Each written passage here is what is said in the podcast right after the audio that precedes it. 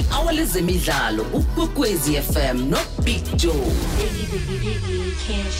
Isimbi yesihlanu itsho ukuthoma kwe-iri lezemidlalo ukwekwezi fm nobig joe. Kukhanya ba.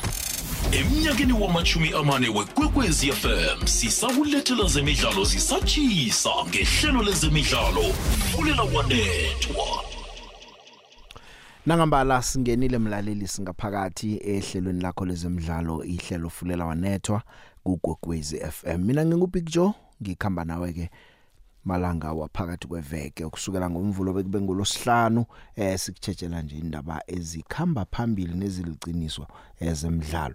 Nawe ke unendima oyidlala ko njengemhleni eh uza kunandeke ungena ke nawe eh uchoke ukuthi wena ke eh zikukhambela kanjani ngehlangothini lezemidlalo. Kunengi ke okwenzekako eh namhlanje njengoba eh, ngabom losithathu nje vele sicale indaba zebhola eragwako namhlanje umahluko awukho ke eh, sizogijima phezukwazo nawe ke ungakhuluma kunengi okukhona eh ngiyazi okunye mhlambe hawo abangabi nokuthinda kodwa na sewukwazi. Kunengi eh indaba ye Royal AM eh Royal AM bayisuspendile iban yabo. Akuthi ukuthi ijamele futhi ijanyisiwe ngokomthetho umuntu nakazibila ezako afake iappeal eh isigwebe bekaphiwe sona sasibekelwa ngecadi bese ke eh kuyaragwa ke nene. Kuzathi nase kuyokulalela iappeal leyo ke ku Court of Arbitration for Sport kubonakala ukuthi ivuna iRoyal AM namtjana bathi wena FIFA ugwebe kuhle vela ababhenwe bebabhadele namtjana njani na.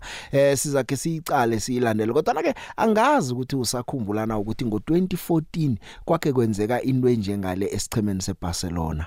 Eh iBarcelona nayo yathi nayisabhenweko ukuthi ingathenga abadlali yaya ku Court of Arbitration for Sport ya appeal kwathiwa njengoba nisa appealile eh ayijame iban leyo bekube kulapha kuphela khona indaba le.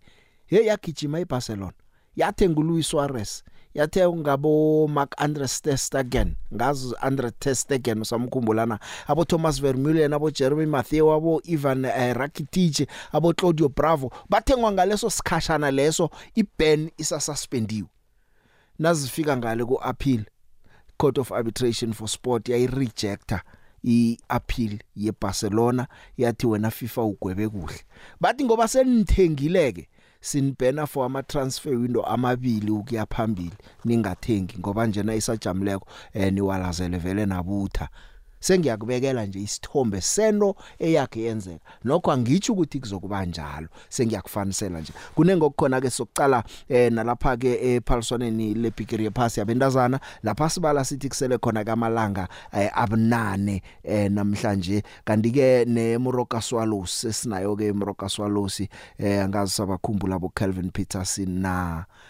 Abo Noel Cousin. Baningi nje abantu ngabakhumbula abo Roadblock Makhathini kumroka swalo siyakade siyazi koleya eh bebasebenzisa uSwallows Football Club nje ngokusemthethweni bokuba yiMoroka Swallows ngikhuluma la ngeSwallows kunengi nje ne neZimbabwe bayiliftile neban yeZimbabwe eh babeke ikomiti yesigiyani ukuthi ke ije ikhambisa izinto kuhle eZimbabwe. iZimbabwe ina 18 months icothiwe eBolnera gwako ngokuthi umbuso eh waphatlalaja ihlanganela ulibholo lapho kwathiwa ndli imali FIFA ufuna umbuso ebholweni. Eh na umuntu ngakhe uhlalela uzibuza ukuthi kuba yini FIFA ingawufuni ufuna ukuthi na udla uganga ngehlangothini lebholo ugwebe ngibo?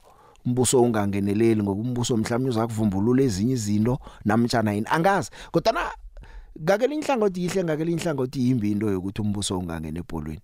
Lapho kunye bakwazi ukubhaca ngeFIFA abantu nabakhwabanisaka umbuso na uthi uyabasolva babhace ngeFIFA.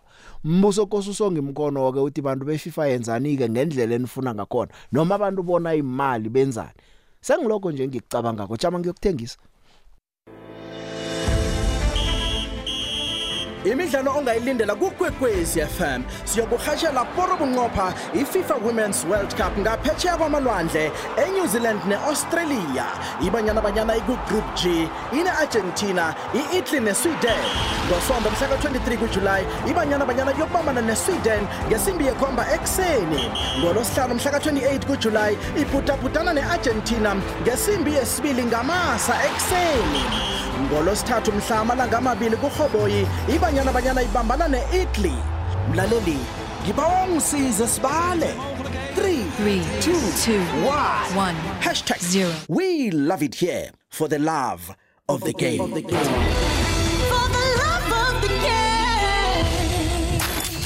Li hour lezemidlalo kukwekwezi FM no Big Joe. Emnyakeni wamachumi amane wekwekwezi fm sisakulethela zemidlalo zisatshisa ngehlelo lezemidlalo fulela wanethwa imidlalo ibuyile thola indaba inkulumo-mpendulwano imibono yabalandeli netsimo elimahlaya. Fulela wanethwa phakathi kweveke ngesimbi yesihlanu kukwekwezi fm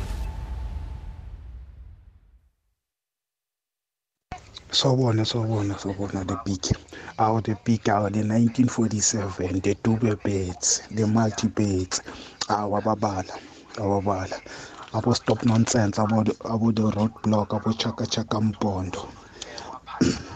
Abo makhathini abo ox mahlangu abo abo AC Mnini. The late Skarango versus Phithiphithi Dumsane ngoba Clark Itafia hayi inyoni zami picture angalezo inkathi hayi zazindiza siyabonga ukuthi bambise umroga and then that means ukuthi yeah we are continuing to write the history. Yeah yeah sizochubeka nje sibale history. Ngathi singathola isponsor nje. Angijabule kakhulu big joe Sithokoza umthumbi wamuva nje wejackpot yeLotto Plus 2 othumbe ngale kwe26 million rands begodu uphefumule wathi eh lochani ngime owine iLotto Plus 2 ngidlale iQuick Pick store.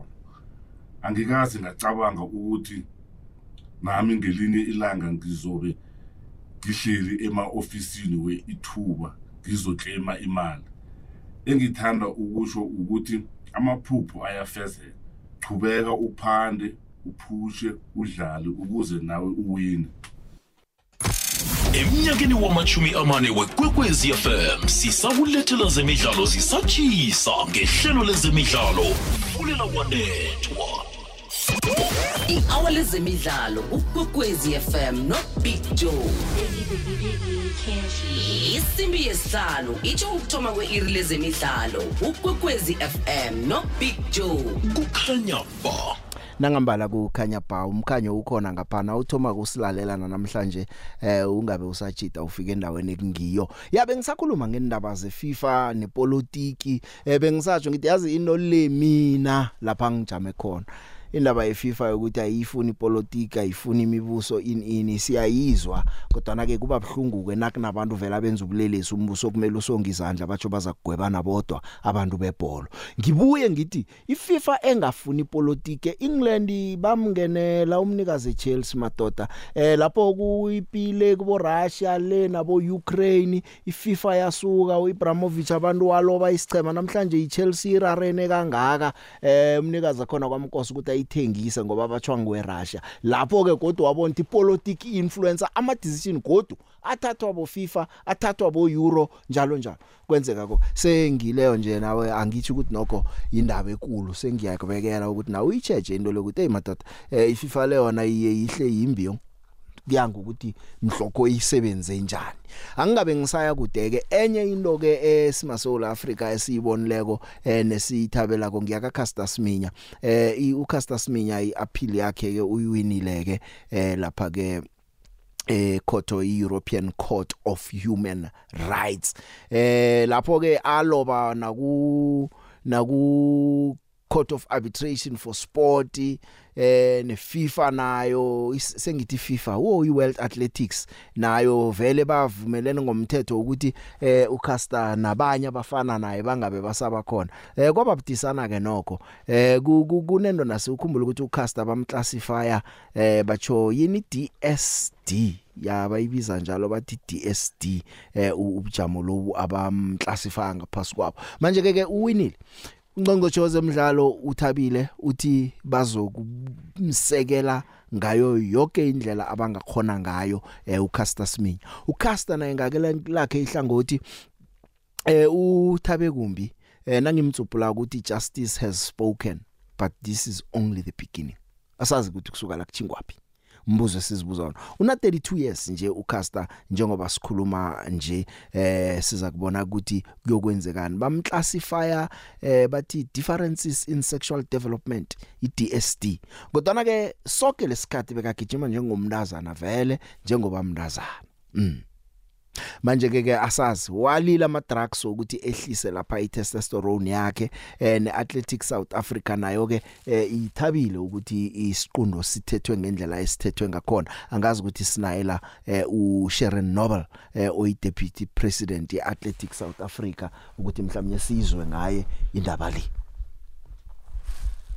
No nga- ngathi asinaye kodwa ke indaba zinjalo ke zika Caster Siminya eh ne South Africa nokugijima kwakhe. Ngezinye nje zezinto nawe njengomlaleli ongahle eh, u- u- uthwaye ngazo sizo ukuthi wena ke uthini? Sizokuya ke nendabeni yebafana bafana bathumbile bezesebeza ngemva eh, bathumba umdlalo izolo babetha iEswatini. Nje kuzakumele balinde imidlalo yanamhlanje khona bazokwazi ukuthi bayokudlala nasiphi isicema jama ngijike la bese ngiyakhamba ngiya lapha entolo eh nangibuya komhlawumnye ezinye zezinto engizifuna ko la zabe zikhamba kuhle Big Joe, Big Joe, Big Joe, Big Joe, Big Joe. Hayi. Hayi khutle mo ka solo sentate, hayi khutle. Ke hopola hona mola ho bontwe ho bo Joel Ace Monini. Bokhonko malbana borut block makhathini. Ge khutla pepe re tla ka mono ka bo tshaka tshaka mponto. Uimisi umanelo Joseph Rapeleho. Hey, bo Calvin Mutakati Peterson eh ke ba bangata ho ntate se ba bang se bile re ba se bile re ba letse bo Andres Pangasa Chicha bo bo bo bo bo bo bo kuna padiatse bo Dul Abdi. Eh se re ba lebetse ba bang tate ai ke fela magabate e ne le monate kana go le sa santse le swalo se straight ntate. Swalo se inyone se bofungeng kana ee ya ntate a don't follow me follow the bets ke a leboa ntate. Ke a leboa ke a leboa ke a leboa ke a leboa ke a leboa ke a leboa ntate. Ke thoko ka springs. Imidlalo ongayilindela emhathweni ikwekwezi FM ngomhla ka28 kuJuly bebe ngomhla ka6 kuAugust yi-Netball World Cup e-ICC Arena eCape Town. Lindela imisikinyeko yonke le. Ngisiza sibale. 5 Five, 4 four, 3 three, 2 two, 1 one. ngomhla ka28 July bekube ngomhla ka6 kuAugust 2023 yi-Netball World Cup eCape Town. Uzoyizwa bunqopha #we love it here for the love of the game. Of the game.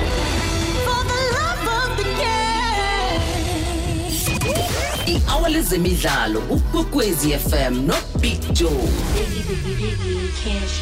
Isimbi yesihlanu itsho ukuthoma kwe-iri lezemidlalo ukwekwezi fm nobig joe. Kukhanya ba. Fulela wanethwa kukwekwezi fm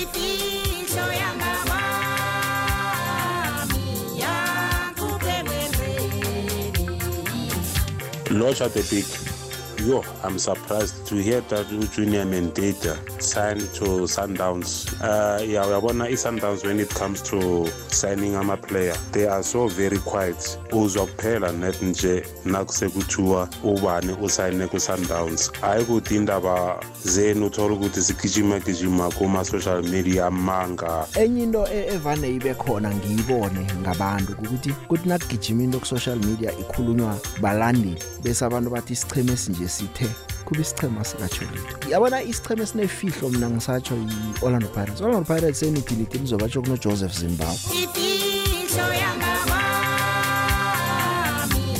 Fulela wanethwa imidlalo ongayilindela emhathweni ikwekwezi FM abahathi bethu bezemidlalo bajame nje ukukulethela imidlalo yamabhokobhoko ye-rugby championship ukuthoma ngomhla ka-8 july 2023 amabhokobhoko atholana phezulu ne-australia ngo-5 past 5 eloftus epitori. Ngomhla ka-15 july amabhokobhoko abambana phezulu ne-new zealand. Kuzabe kunje? Umdlalo uyathoma ngo-5 past 9 ekuseni ngomhla ka-29 kujulayi 2023 amabhokobhoko abambana ne-argentina imidlalo le uyilethelwa ngokuzikhakhazisa yi-sabc sport mlaleli ngiba ungisize sibale 3 Three, Three, two, two, one. one. Hashtag Zero. Okay, stop. We love it here for the love of the game. For the love of the game. Dlala dlala Big Joe. Goalkeeper has come. Ibrahimovic has hit bar and post. Everybody thought that I'm too old, but I came and I made the Premier League look old. Zlatan Ibrahimovic umswa weSweden naye batsho nje uyalisa una 41 years udlala imidlalo e988 ubethe 573 goals impiki runners ziyi32 uyi all time goal scorer yalapha eSweden una 62 goals emidlalweni e121 ngiyambongisa uZlatan ngithanda enye yezinkulumo zakhe bekazikhulumela yena khona enye ethi i think i'm like a wine the older i get the better i get Maradona.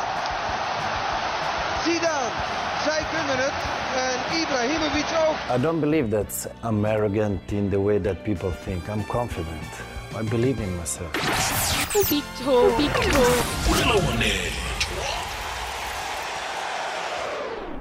ya ibafana bafana sibonile izolo ithumbe ngo 2-1 eh ibetha lapha ke eSwatini eh ke kwathusa thusa nokho ngoba iSwatini ngiyedo sephambili nanzi. Bongwa amathebula nguyobethe ikondelo ke kodwa ke uTshego Fatso Mabasa wabetha amagondelo amabili. uTshego Fatso Mabasa emidlalweni odlulile kwabalandeli babe miyewulahle ngemva kokukhutha ikondelo kodwa ke nje wabetleka amagondelo amabili. Umswa olahlekelwe iform ngenye indlela erarileko kodwa ke mhlawumnye indozi zakulunga ngemva kokubetha amagondelo amabili. Ukhumbula ukuthi Orlando Pirates yamthatha yambolekisa eh wafika le kusikhukhu nakona indokho engezikhambe kuhle emidlalweni eyi20 amagondela ngaba mabili so eh na uthi uyachecha kanti ke nje inkulumo zethu chinga lapha isicimini seswalusi. Eh konke lokho sisaza kuthola sikuhlala sekuhle. Eh manje ke iSouth Africa ke iza kubona ukuthi bobana bathatha ubujamo besibili. Second semi final eh siza kubona ukuthi kwenzekani ke eh ebujamini ukuthi bokudlala nabo bani kokwakho eh ku semi final ibafana bafana ngoba ukudlala i-second semi final ngolosihlanu eh kungenzeka kube iZambia Mauritius Lesotho. Kusanga ukuthi namhlanje imphumela ikhamba njani.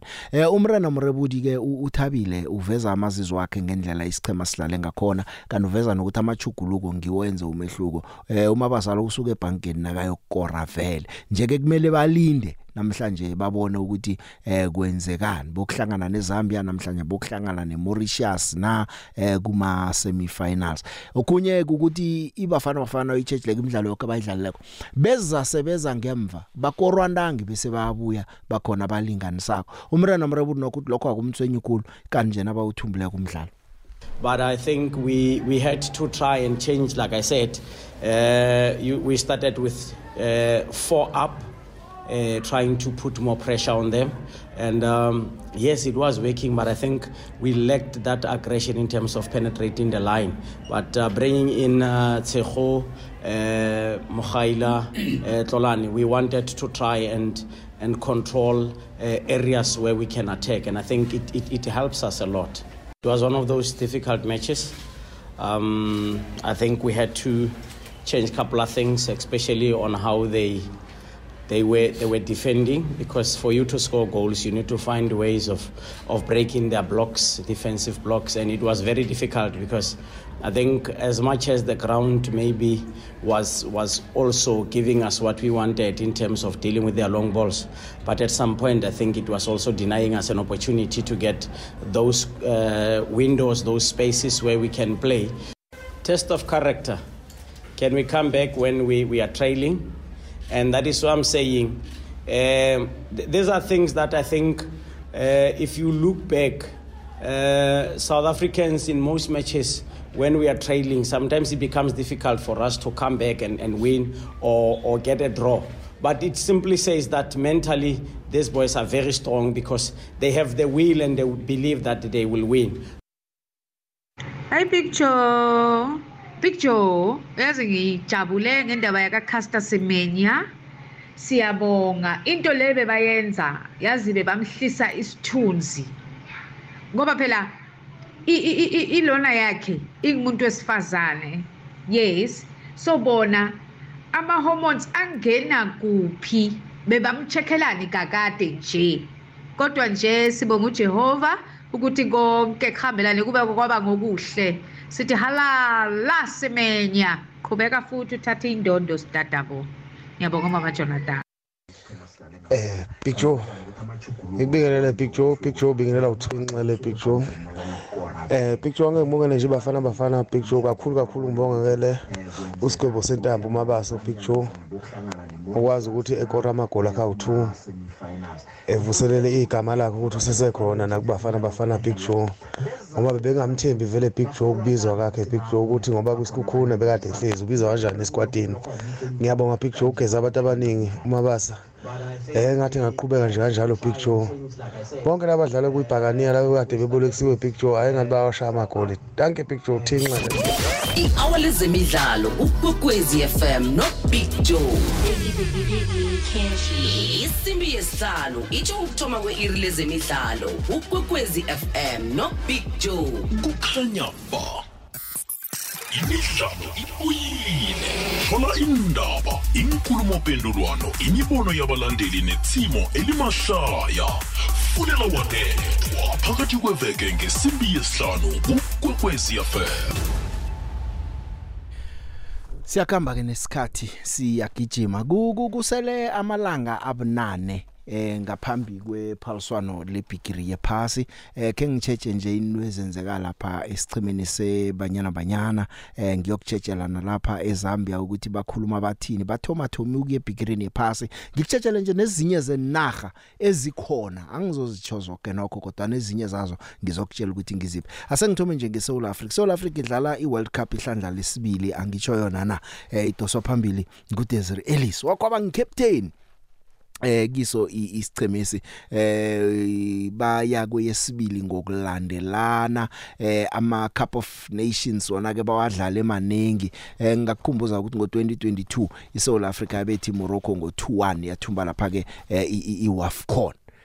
Ya kodwa ke na uthi uyaqala ke isichemesi eh ku World Cup apha izinto zange sabakhambe zabakhambela eh kuhle. Zange zabakhambela kuhle. Kodwa ke leli hlandla banethemba lokuthi mhlawumnye ikhona into ethecha abazosenzela yona. Nangu Israel sasizwe ngayo we not naive. But when you go to a tournament you want to do well.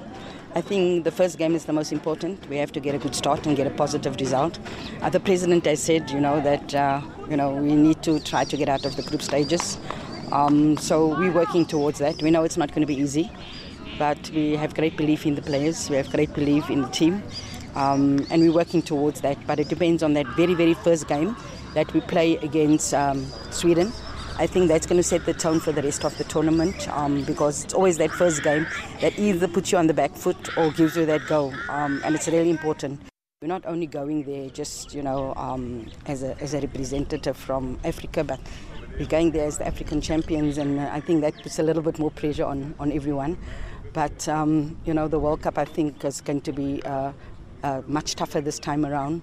The togetherness and the unitedness that we had really brought us through um, especially in the final when the stadium was packed out um, because uh, um, that was that was going to be difficult. But I think the players were so focused and so determined, and I think that will hold them in good stead. You know, they showed a lot of character, but this is a couple of levels up. You know, um, so whatever we did there, it's got to be a couple of levels up as well for us to achieve our goal. Kuzakumele basebenza bendazana. Nangicala konje ezinye zenaga ngase ngikubale nje iGermany. iGermany kuma rankings ik number 2 yas. Eh na ucala nje ukuthi iyadlala kuhle nini. Eh ngo yabazi ingudani ngo2003 yalithumba iPaulson ngo2007 yalithumba nje baceda ukubetshwa kuma final weUEFA Women's Euro.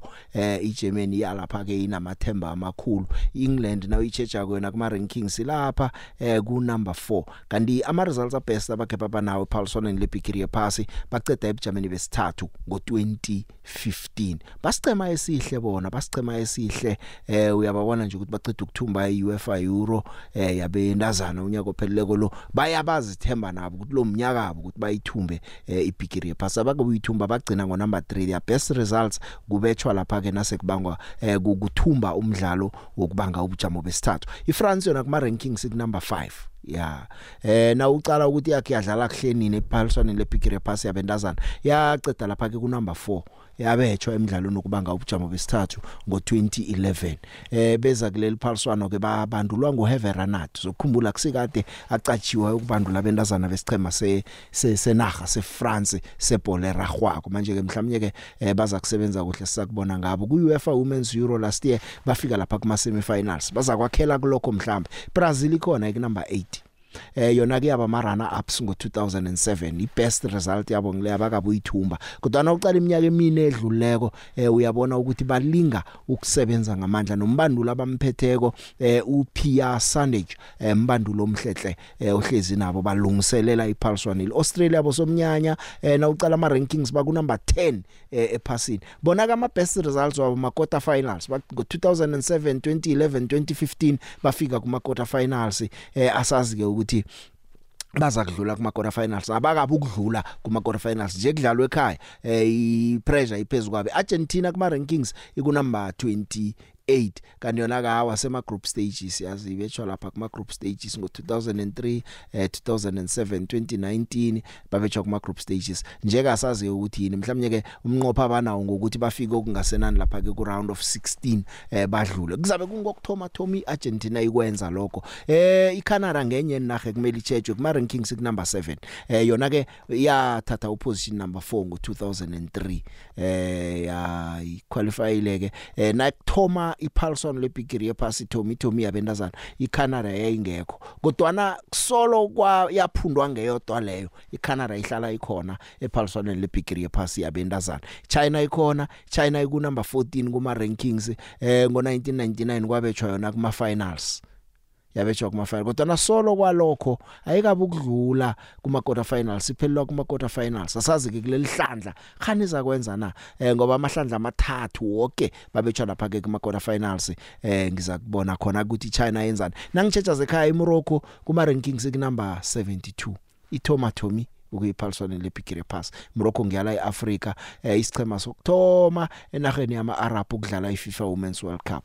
iMorocco. South Africa ke yona ke nawungazi kokuma rankings ku number 54 eh thina ka ama group stages abetshwa imidlalo lapha ngo2019 zange sathumba nodwa umdlalo eh ngikhuluma la ngesicema sekhaya sabendazana kodwa ke na ucala ukuthi sibeza inkutani zeAfrika kokthoma lokho nakho kwenza ukuthi siye kuleli phaliswano eh sinokuzithemba okukhulu eh kanti sesicala ukuthi khani ke sithumbe netmunye umdlalo ke wokthoma ukuthumba umdlalo ku World Cup. Khani sikhambe siyokufika kuma knockout stages konke lokho sikucalisa kubona. iNigeria ku number 40 kuma rankings wephasi lonke eh kanti ke yona kuyagcina kuma quarter finals ku1999 eh ngiyo eh, yeAfrica yakhe yafika lapho ke eh iNigeria ke ayikabu kuba nephaliswano lebigiri yephasi eh eliphundako ihlala ikhona. Sakubona ngayo ukuthi kuleli hlandla yenzani. Bese kuba neZambia. Eh iZambia ikunumber 77 nayo iyathoma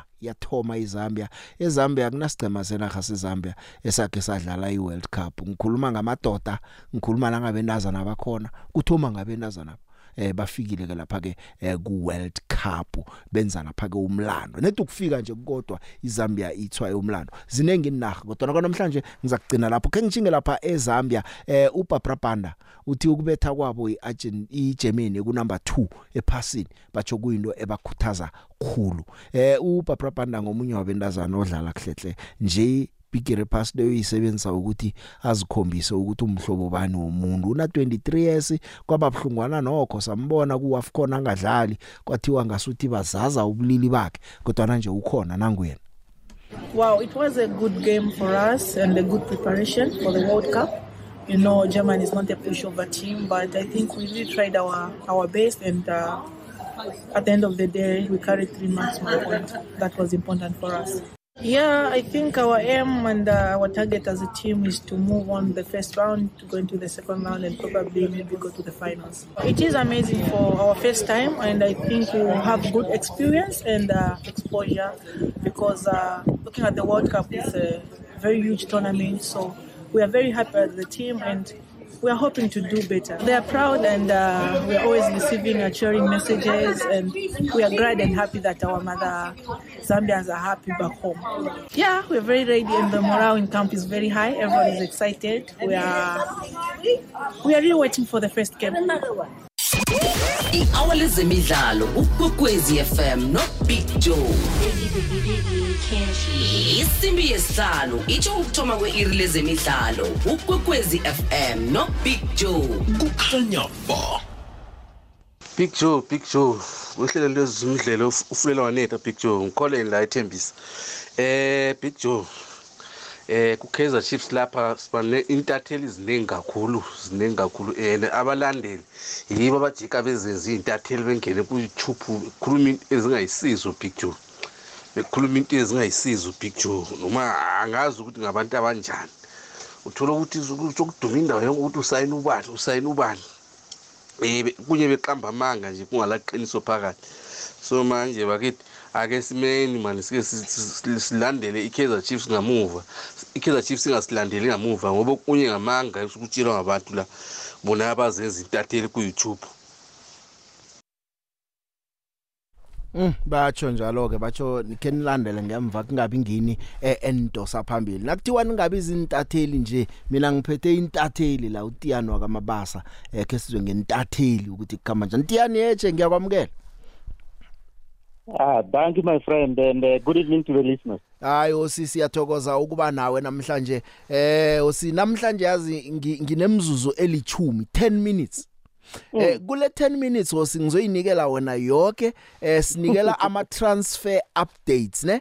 Before no sikhuluma ngama transfer updates nasindaba ye Royal AM eh i case i suspendile i ban yabo. Kodwa ngisatshela umlaleli ukuthi akuthi ukuthi umlando uphelile. Bathi solanka kune process ye appeal basuspenda i ban then nakuphela i appeal sizakuthola ukuthi isigwebo sikhamba njani. Ngiyibeke kuhle musa? 100% my friend. You know so bona they still have to uh, go through that process with uh, with CAS you know? Mm. um, the fact is uh, FIFA have, have have ruled in the matter uh, you know saying uh, Royal Air must pay uh, Nakovic and his agent you know mm. uh, Dajan Simak so the bottom line is that uh, you know the good thing is that it's a fair process when you you, you have a club that can appeal you know mm. uh, under normal circumstances, they were not supposed to appeal anymore because they had missed all their deadlines. But mm. CAS, you know, it's a fair, it's a fair organization. They say, they say you know what? Instead of, uh, you know, uh, concluding uh, that uh, they missed all the deadlines, therefore uh, they can't appeal anymore. Let's give them a chance to appeal. You know, uh, which is good for them. You know, I, I, I remember this happening to uh, Barcelona some 10 years ago or so, you know. Mm. And when when they suspended the the ban, Barcelona went and signed like five players, including Bolu Suarez, you know. Mm. So Mm. uh, maybe it's an opportunity as well for Riley um, uh, to uh, make sure that their team is settled. You know, they just sold uh, Teboho Bozani to Chiefs, so they have to make sure that maybe they can get some players in. I know they were talking to uh, Mohamed Hussein, uh, uh, a defender from Ghana. Um, you know, uh, they also they also wanted Andile Jali as well.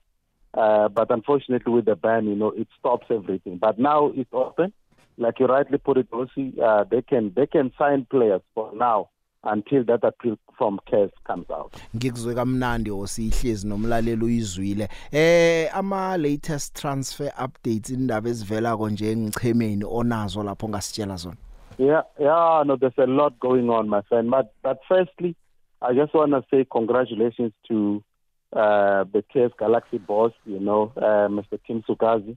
Um, you know, always been one of my favorites in terms of how he runs things, you know. Mm. Uh, you know, he's a, he may not be a, the perfect guy out there, but the the, the thing is, it's, it's always got the best interest of football at heart, you know, and um, that we can give him, you know. Mm. Uh, I mean, I say congratulations because he's managed to move this boy, uh, Apelele uh. Teto, you Mm. know, uh, to Livingston in, in Scotland. You know, that's that's a big thing for South African football because that boy is only 20.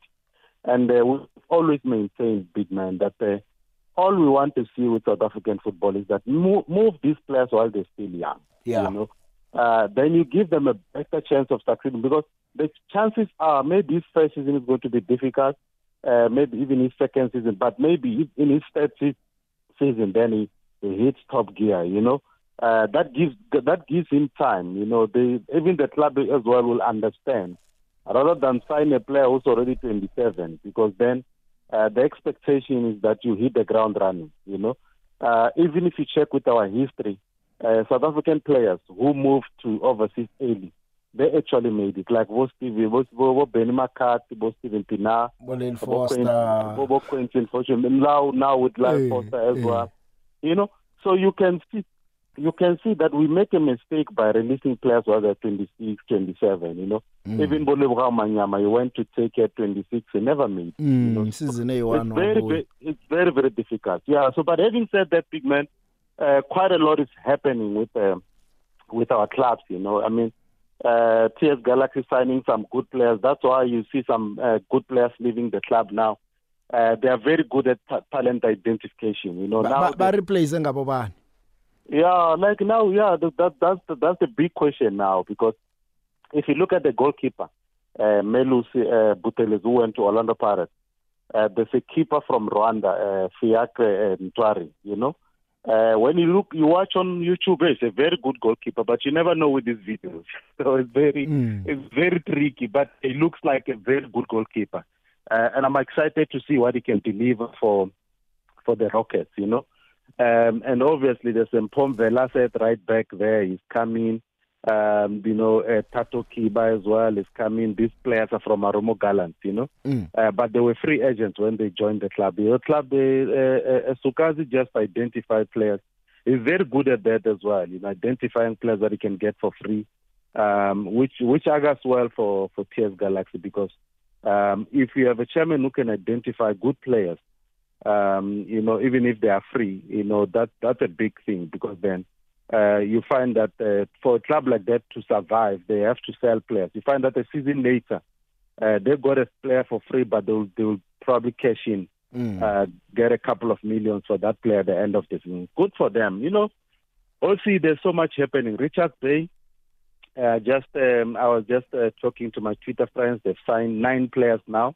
Uh, we we know a lot of them. You know, Bolaki Muhumi, Bo Boletsi Kwapeng, uh, you know, both players from Aroma. But uh, the one they finalized today is uh, Tavani Dube from uh, Austin uh, Dube Kaiser from Chiefs, yeah. You know, yeah, and people were saying, yeah, isn't he part of the of the deal to get Sanele Barnes on the other side? I said, no, because because the agreement with Tavani, as far as I understand it, is um, is a mutual termination Yeah. Uh, which means then that he becomes a free agent, uh, which then means that uh, Richard Bay can get, can get him for free. You know, uh, so that's what we've seen um, as well. Um, you know, Kaiser Chiefs uh, they're not done signing, as far as I'm told. Mm. Uh, there will be you know a couple of um, additions as well, which is good. You know, one thing I like about Kaiser Chiefs is that they've also identified younger players uh, who come through. You know, Bo Ditejani there, uh, Bo, Bo even McCarthy. It's very good for the club. They always sign some. They always uh, promote some good players. Now the challenge is give those players a chance to play in the first team. You know, Mm. uh, like Osam Kelozwane. Now you give you give him a chance to play at all times. You know, those those are talented players. But uh, from outside, people obviously want to know about Bongiseni Mteto. You know what's happening with him. Get ngoba nje sekunendaba zokuthi isicema seStellenbosch sifuna usikhotha abantu sebathi khan khan na Ah, no, it's not like that, big man. It's not one plus one is equal to Mm, two. You know, in the mm. transfer space, it's very difficult. You know, it's a, it's a, it's a special place in the transfer market. Uh, when, when you think something is happening this way, it actually happens the other way. So, uh, with that, uh, remember uh, now Amazulu have also joined the race to sign Mteto. You know, so uh, it's very, very difficult. You know, for for Kaiser Chiefs as well. As well, you know, it's just not it's not uh, one of those things that you say, ah, no, it's just going to come. But as far as I know, there's still interest. But there's also a guy from uh, DRC Congo, um, you know, they uh, called uh, Guy um, uh, Magema. He's, um, he's a center back. okay He was he was playing for AS Vita. He's free now, and my friends are telling me that uh, there's a bit of interest from Kaiser Chiefs as well. You know, Hmm. so you can see that uh, you know Kaiser Chiefs they're doing everything they can to make sure that at least they have a decent team uh, heading into into the into the new season, which is very good for them because you can't go so many seasons without winning anything, and you you sit around and, and and and act as if nothing has happened. That's that's a big club, you know.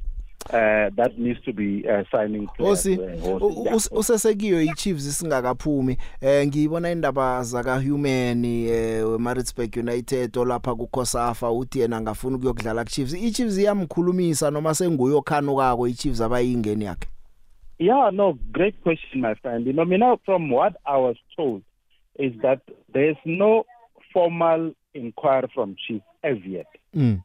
You know, uh, the player wants to play for Kaiser Chiefs. He is, he is definitely keen to play for Kaiser Chiefs, but that doesn't translate into a deal, you know. So the, the interest is al- also has to come from Kaiser Chiefs, Mm. you know. And as far as I understand it, um, uh, as things stand, there was no formal approach from Kaiser Chiefs to uh, Maritzburg United. One of those things that the, the, the, the fans have to be careful about as well is that the fact that uh, oh, Big Joe uh, likes a special, uh, a certain player uh, to join uh, his club. It, as a fan, it doesn't translate into formal approach from the club. ya ku- kunomlaleli bekasasho athi ama-fans echiefs sekaphenduka ama-journalist ndoda ngiwo agijima asayina ama-player ngaphambi kokuthi i-management yabo ibasayine hosi isikhathi sami siyangilimaza la. Eh ngifuna ukhamapile athi ngiyazi ukuthi u-out of contract ku-chiefs yena? Out of contract angazi mhlambe uzwile ukuthi ukuphi uchingaphi na. Eh abolisedi ikapinga nje abadlali laba abangathi bama free agent lapha kuKhosafa abakhulunyiswa ngapha ngapha iOrlando Pirates ayikho ke ise Spain kodwa ngiyazi ukuthi ukuba se Spain akuthi ukuthi akunamuntu obekilihlo la ekhaya. Kuyini okwenzekako ngakibo mhlambe?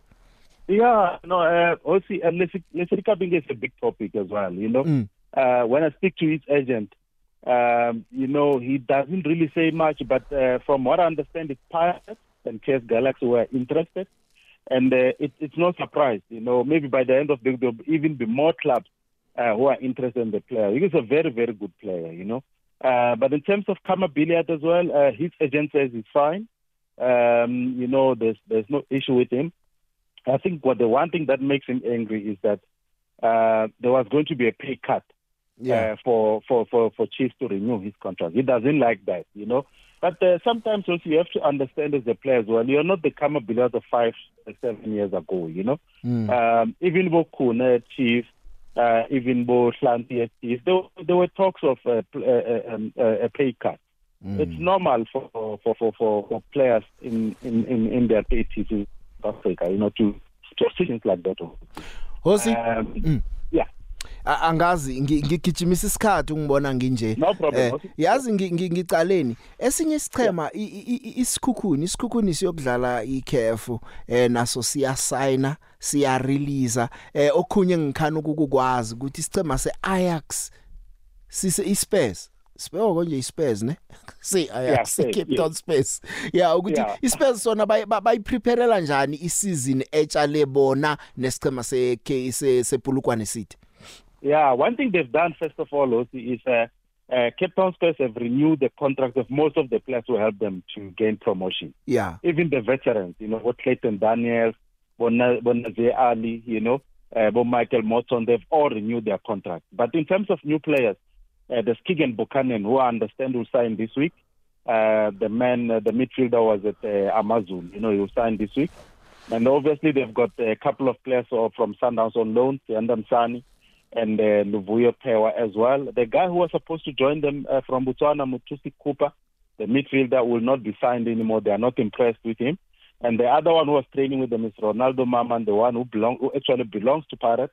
But I understand as well he stopped training, so he may go back to Chipa United. okay Yeah.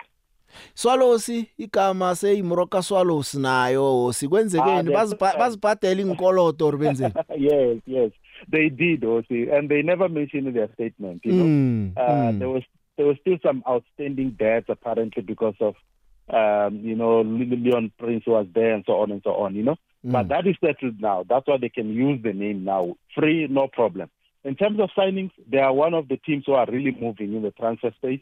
uh, Bo Lanchene Palan have joined, and I understand um, they will announce the Andile Jali on Friday. I can't wait for this one. Mm, mm, Yeah, mm, mm. it'll be interesting. Also, like they they're doing everything they can. I mean, even the first division as well. I mean, they've gone for players like Victor Baka from uh, uh, Utonga, you know, uh, to show that they, they are actually uh, doing something, you know, and uh, this this club will actually be one to watch in the new season. They've even taken six games to Bloemfontein. Hmm. Uh, for the new Swallows. season, you know, yeah, like uh, they'll play at the Dr. Petras Mulemala Stadium six games, you know, uh, both Sundowns are going there, both Kaiser Chiefs are going there, both Cape Town City and Spurs, you know, some of those clubs, six games. So it's very interesting what's happening with Swallows. I think um, they've done everything they can to make sure that the club can be better than last year. Hosi eh ya ngi- ngi- ngibona ne fixture iphumile iPSL ivezile ukuthi imidlalo iyathoma early August. Ngicala ama date weDerby la 11 November Kaizer Chiefs Orlando Pirates FNB Stadium 9 March Orlando Pirates Kaizer Chiefs. Eh imidlalo iDerby le ungathini? Ngimiphi imidlalo nje ongatshela umlaleli siyokuvula ngayo ngeweekend yokthoma Yeah, well, see, I'm I'm I'm actually more interested in the in the in the next round of fixtures, not even the opening one. You know, uh, I mean, on the 9th of August, we have to go to Loftus, me and you, Osi. I mean, Sundowns versus Chiefs. Hey, Osi. ngikhumbula uStuart Baxter nakafikako ndothi Sundowns yamphosa 4 ama coach afikako ku Chiefs Sundowns ayiwezwa. uArthur Zwane nakafikako iSundowns imphose 4 ngathi naye angazi unseki uyokuthola ngaki yena. Ngathi coach efika ibhabhadiswa iSundowns lapha ku Chiefs. I think you just gave us a prediction for that game. not intentionally wasibe ngikhuluma nje mina. Ah, Osi. Eh Tiani isikhathi sami siphelile yezwa ngithokozile namhlanje ukukhuluma nawe uyazi wena umuntu wala ekhaya nasikufunako sizokubiza godu sicoca coce nawe ah, anytime, big man, anytime. ahake Hey, tada. Ya i- injalo ke mlaleli indaba zona ziseseziningi ke kodwa na njengoba usazi nje ukuthi silawulwa sikhathi ngiso ke nje singitshela ukuthi awavela sengivale yonke into engiyenza kole eh ngikhambe. Kodwa na ke ngaphambi kokuthi ngikhambe ke ngizwe la.